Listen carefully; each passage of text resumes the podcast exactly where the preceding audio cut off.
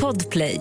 Hej och välkommen till The Daily Messiah. Det är måndag. God morgon John. God morgon, god morgon Klara. Hur mår du? Jo, jo tack, det, det är okej. Jag tyckte du lät lite sådär äh, täppt när du kom till studion här i morse. Ja, men jag är lite täppt. Jag blev det i natt här. Ja, men är det pollen kanske? Nej, pollen har jag aldrig. Jag, har aldrig. jag vet inte riktigt vad pollen är och när folk säger att det är pollen så har jag aldrig riktigt förstått vad det är. Så jag tror inte jag har pollen, vad det nu Men du är. tror inte på pollendiagnosen? Är pollen någonting man har eller är det någonting alltså, utanför? Vad är Jag vet inte vad pollen är. Men du är klar... men Alltså pollen är ju så att du kan ju typ födas med det men det är väldigt få som gör det utan du får det med lite tid. En del föds med pollenallergi men en del, det är som en bägare med vatten som till slut rinner över. Så när du, allergierna i kroppen blir för mycket då får du liksom allergin. Men så är- kan, du kan till med du kan få det i år. Det är ingenting som säger att det är... Jaha, men är inte pollen alltså när, det, alltså när blommorna blommar och sånt där? Men det börjar redan nu kära vän. Det är ju snöar ju, har ju snöat här. Nu har du typ så här al och hassel och grejer. Jag, Jag, vet du vad jag är allergisk mot? Nej. Kyla. Kylan är det tror jag. ja, det är det. Det är därför du Ja, alltid den diagnosen har jag alltid haft. dålig så här års. Ja. ja, men god morgon. Ja, god morgon.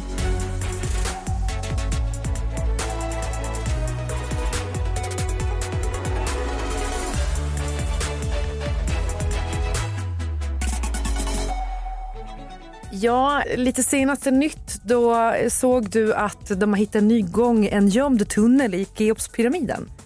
Nej. Alltså Keopspyramiden heter ju Khufu-pyramiden då på egyptiska. Jag har ju varit och sett den live.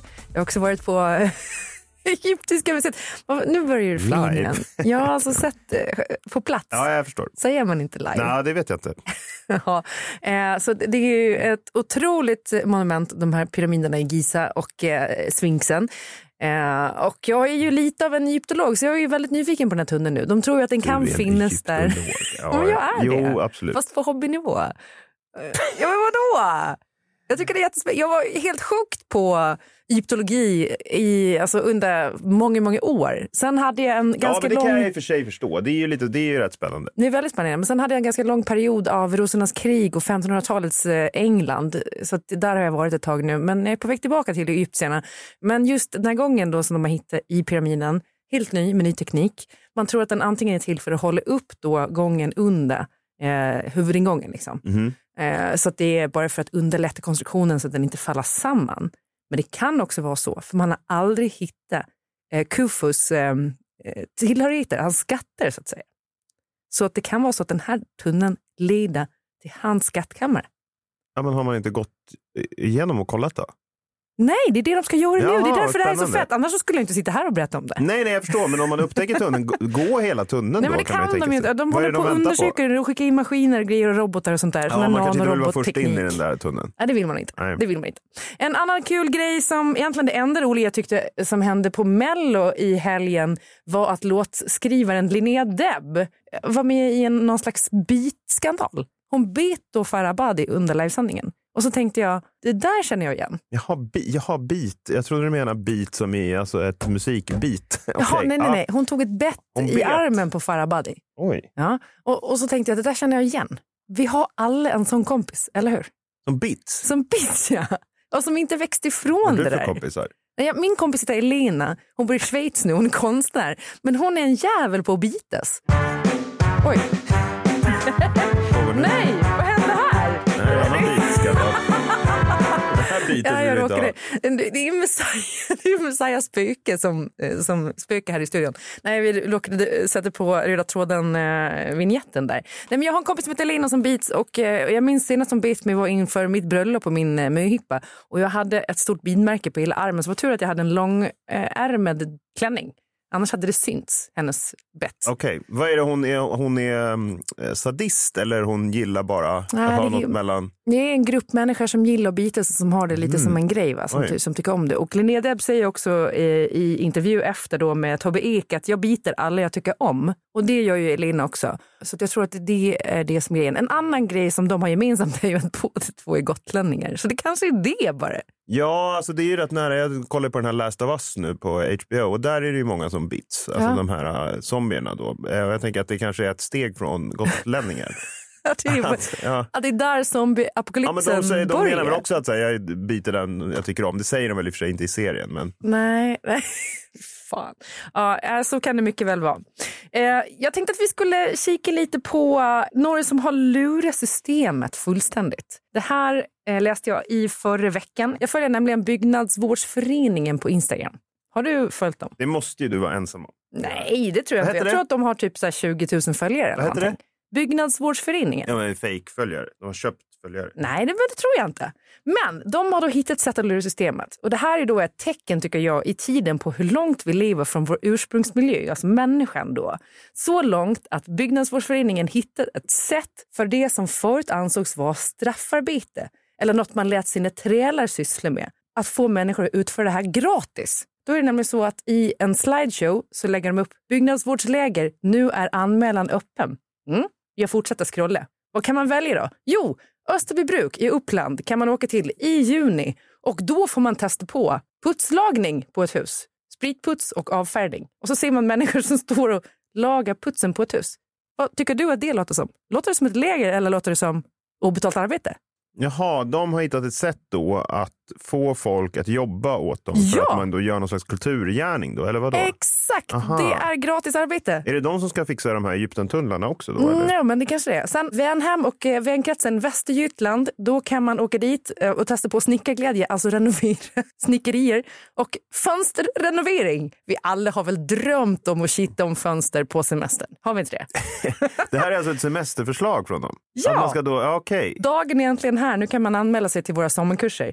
Och sen då till exempel på Stora Ikholmen. Kurser, då ska man också betala för att göra det här. Exakt. På Stora Ikholmen, bygga faltak och favoriten, renovera hönshus. Vill man inte göra det på semestern? Jo, men vem äger de här husen då? Och som du säger då, det sjukaste av allt är inte bara det att man inte får betalt för det här. Man får betala för boende och logi. Men vem ska få bo i de här uh, nyrenoverade husen sen då? Alltså vem, ligger, vem äger inte. dem? Jag vet faktiskt inte. Jag har inte nått ut till Byggnadsvårdsföreningen och därför inte heller fått svaret inga kommentarer. Så vi lämnar det där bara. Men jag tycker det är bara lite finurligt av dem att de lyckas få människor att jobba och dessutom ta betalt för det. Ja, verkligen. Eller så är det någon som står, alltså någon rik som står i bakgrunden bakgrunden och har liksom hittat på det här sättet då? Alltså det är Jonas Åkerlund eller någonting som ja, har köpt Ja, ja, att det här är, bara, det är liksom bara någon sån här skalverksamhet. Alltså ja. egentligen så, så ja, har de... en stor scam och folk går på det. Ja, men nu är det dags för... Jag ska, jag ska sluta skoja om det bara. Vi, vi drar igång den. Långt uppe på vinden där hittade han den Det var en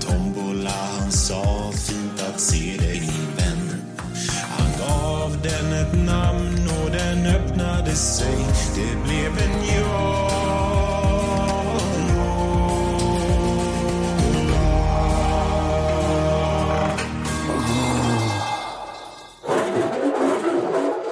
Den vinglar nästan av bordet där, pjäsen. Nej, jag tror inte det är okej, okay, Roy Orbison. Va? Står det på lappen.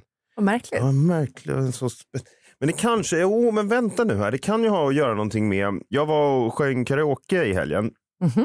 På ett ställe i, i stan och sådär. Jag tycker väl det, det är vad det är man kan göra när man är full.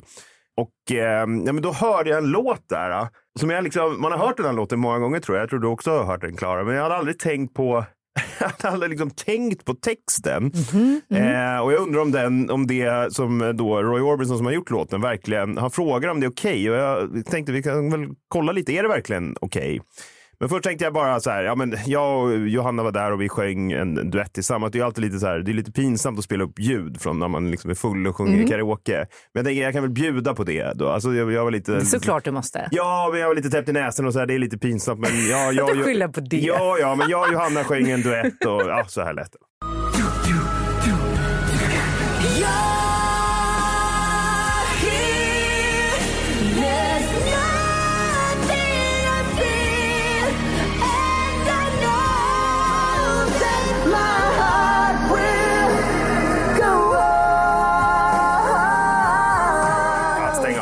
Pinsamt. Bu, det där är ju hundra procent inte du. Ja, men ja, pinsamt, absolut. absolut. Ja. Mm. Eh, men Roy Orbison då i alla fall. Du känner till artisten? Gud, jag lyssnar på mycket. Kanske måste sätta honom på kartan. Ja, men jag eh, tog väldigt ofta på mig min eh, systers eh, lårhuvge mockastövlar och låtsades att jag var Pretty Woman i en vit skjorta och eh, eh dansade till hans musik. Ja, han har gjort då låten, ledmotivet, ett av dem i alla fall till då filmen Pretty Woman som mm. heter Pretty Woman bla bla bla. Eh, han har också gjort en låt då som heter I drove all night. Mm, Som den har jag nog inte hört. Ja, men jag tror att du hör. Vi lyssnar på den. Okej. Det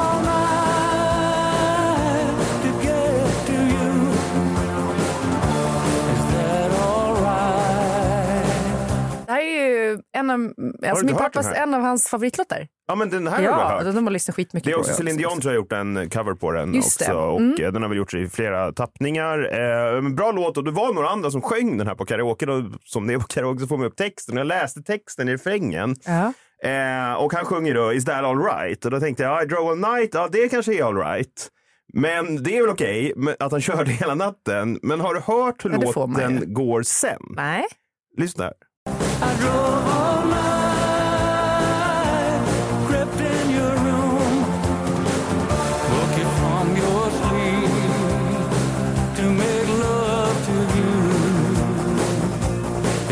Han sjunger alltså I drove all night to get to you, is that alright? Ja, I drove all night, crept in your room. Ja, ja. Alltså kröp in i ditt rum, woke you from your sleep to make love to you. Is that alright? I drove all night. Körde hela natten, och kröp in i ditt rum, väckte dig för att ligga med dig då. Vi vill lyssna på hela igen.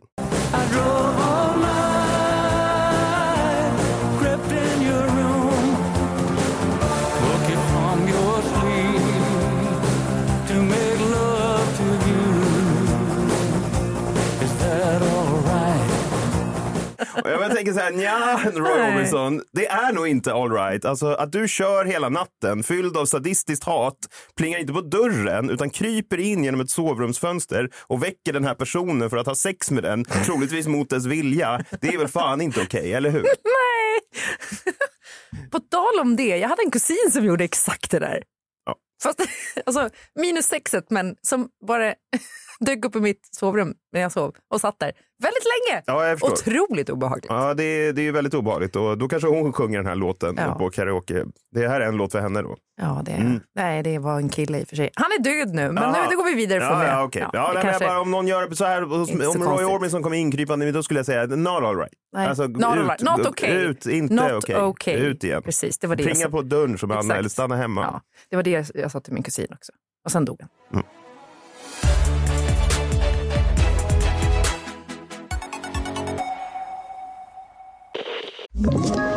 Ett poddtips från Podplay. I podden Något Kaiko garanterar östgötarna Brutti och jag, Davva, dig en stor dos skratt. Där följer jag pladask för köttätandet igen. Man är lite som en jävla vampyr. Man har fått lite blodsmak och då måste man ha mer. Udda spaningar, fängslande anekdoter och en och annan arg rant.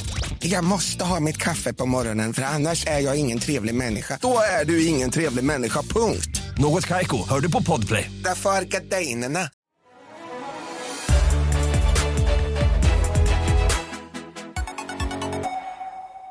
John, i fredags så hade ju House of Hammer premiär på svenska HBO Max och det är då en dokumentärserie om Army Hammer och hans släkt.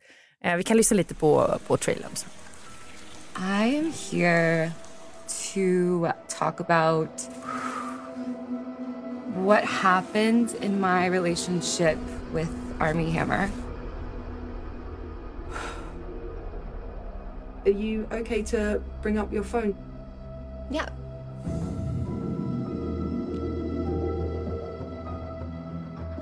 I haven't really digested this one. I have a fantasy about having someone prove their love and devotion and tying them up in a public place at night and making their body for use and seeing if they will f- strangers for me.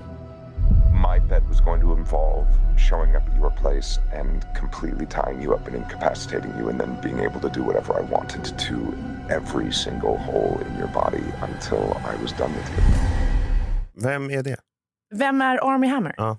Men eh, Call Me By Your Name spelade eh, Winklevoss Twins i Facebook-filmen. En Eh, skådis? Ja, han är ju jättekänd. Ah, och han fast- men var ju på väg, vet- jo, han nej, var på fast- väg mot sin peak när eh, det här liksom exploderade, den här skandalen då, där han hade sina, de här kannibalfetischerna och så. Jaha. Just det. Ja, så nu vet du vem han är. Men jag har då sammanställt en liten lista på grejer som jag tar med mig efter att ha sett den här dokumentärserien. Jag kommer inte fokusera så mycket på Army Hammers eh, släkt nu.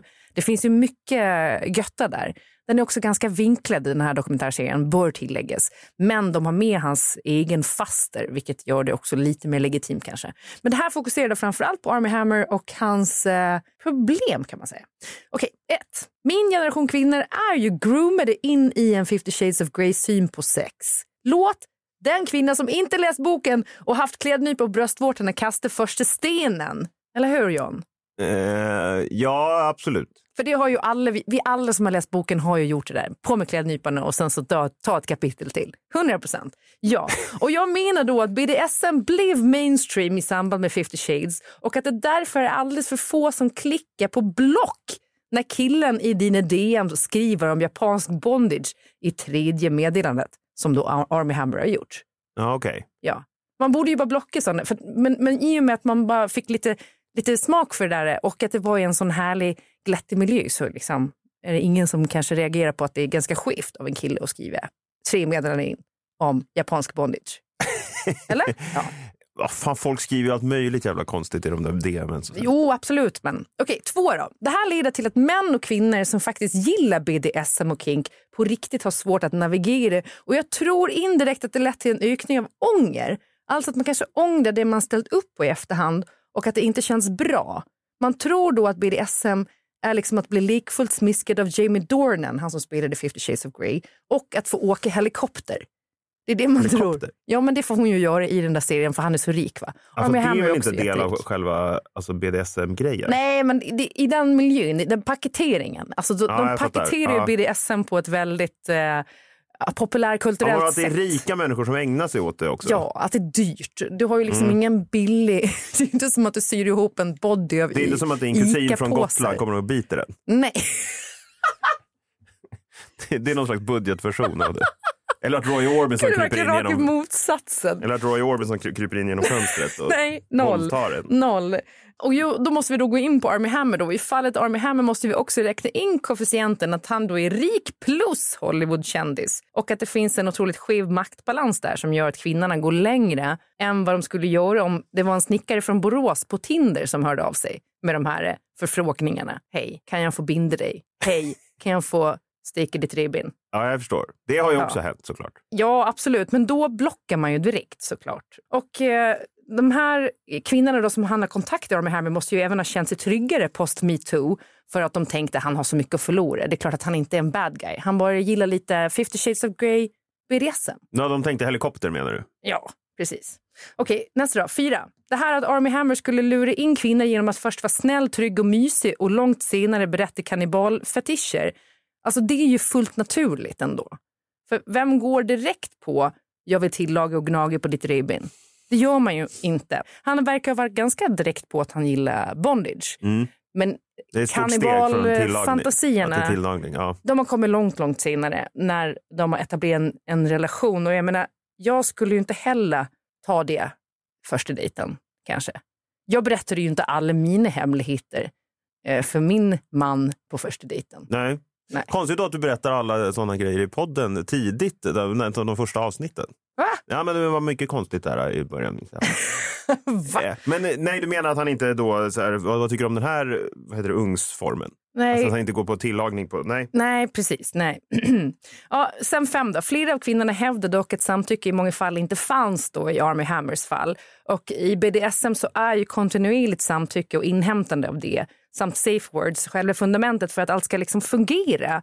Och jag tvivlar ju inte alls på att Army Hammer våldtagit den här House of Effie Effie som var den som egentligen kom ut då eh, för två år sedan och sa att han har våldtagit mig och som drog igång allt det här med sitt Instagramkonto.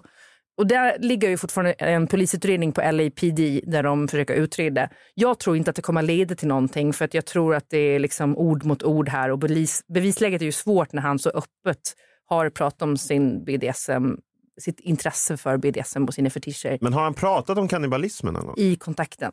Hur menar du prata med? Nej, har han pratat om det? Ja, alltså han har ju skrivit eh, till en av tjejerna, alltså när han har varit lite kåt sådär, så han skrivit att... Kåt här, på tillagning då? Nej, att jag, jag vill... Eh, jag har en sån eh, galen fantasi att jag skulle vilja eh, skära ut en bit av ditt revben och tillaga det och äta det. Ja, just det. Så det är inte, det är inte mord då, han, utan det är Nej, bara en nej, nej. bit av, Ja. alltså inget Men- vitalt organ. Det man måste säga också när, när man tittar på den här serien, jag vill inte spoila allt, det finns mycket götta kvar. Jag gick bara in på det som just för Army Hammer då. Göttigare än jag vill tillaga ditt revben. Ja, nej, ja det är lite, lite mord och annat sånt Oj. spännande. Men inte då i liksom, händerna på Army Hammer. Men, men eh, det verkar vara samma typ av kvinnosyn som ärvts i familjen då Hammer genom generationer.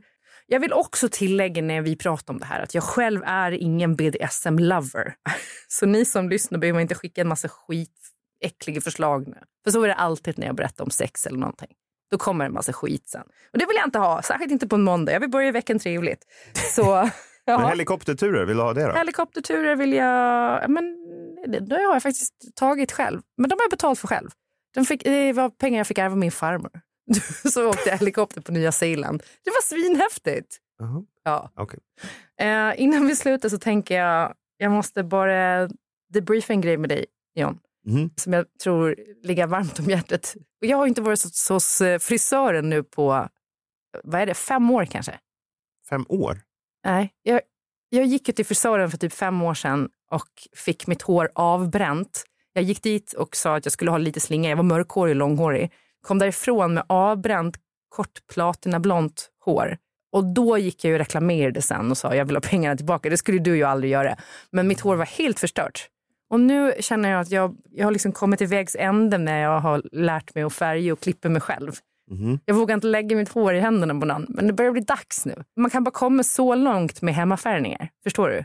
Till slut så bygger du upp en massa gammal färg och skit. Ja, jag förstår. Jag har aldrig testat, men, eh, men eh, jag tycker du ger, ger dig på platinablont ett försök till. tycker jag. Nej, men det är det jag inte vill. Jag vill, jag vill ha så mitt hår nu, men jag vet inte hur jag ska gå till frisören. Och så döma av då det du har varit med om varje gång när du har varit hos frisören, att liksom inte blir som du har tänkt dig, att de bokar av och bokar om och eh, vill boka dig på en annan salong och sådär. Så känner jag att jag har, jag har blivit lite rädd. Jag nästan har lite så frisör-PTSD.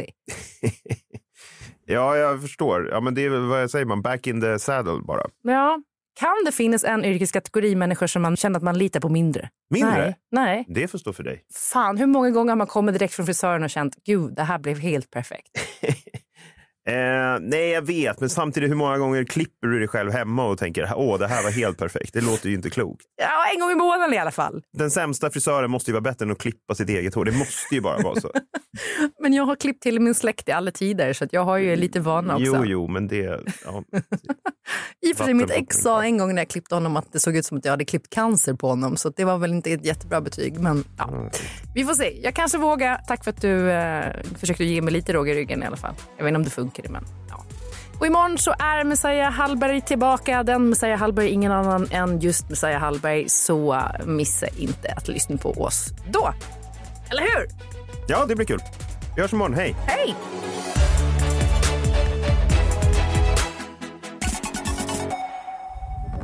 Podplay, en del av Power Media.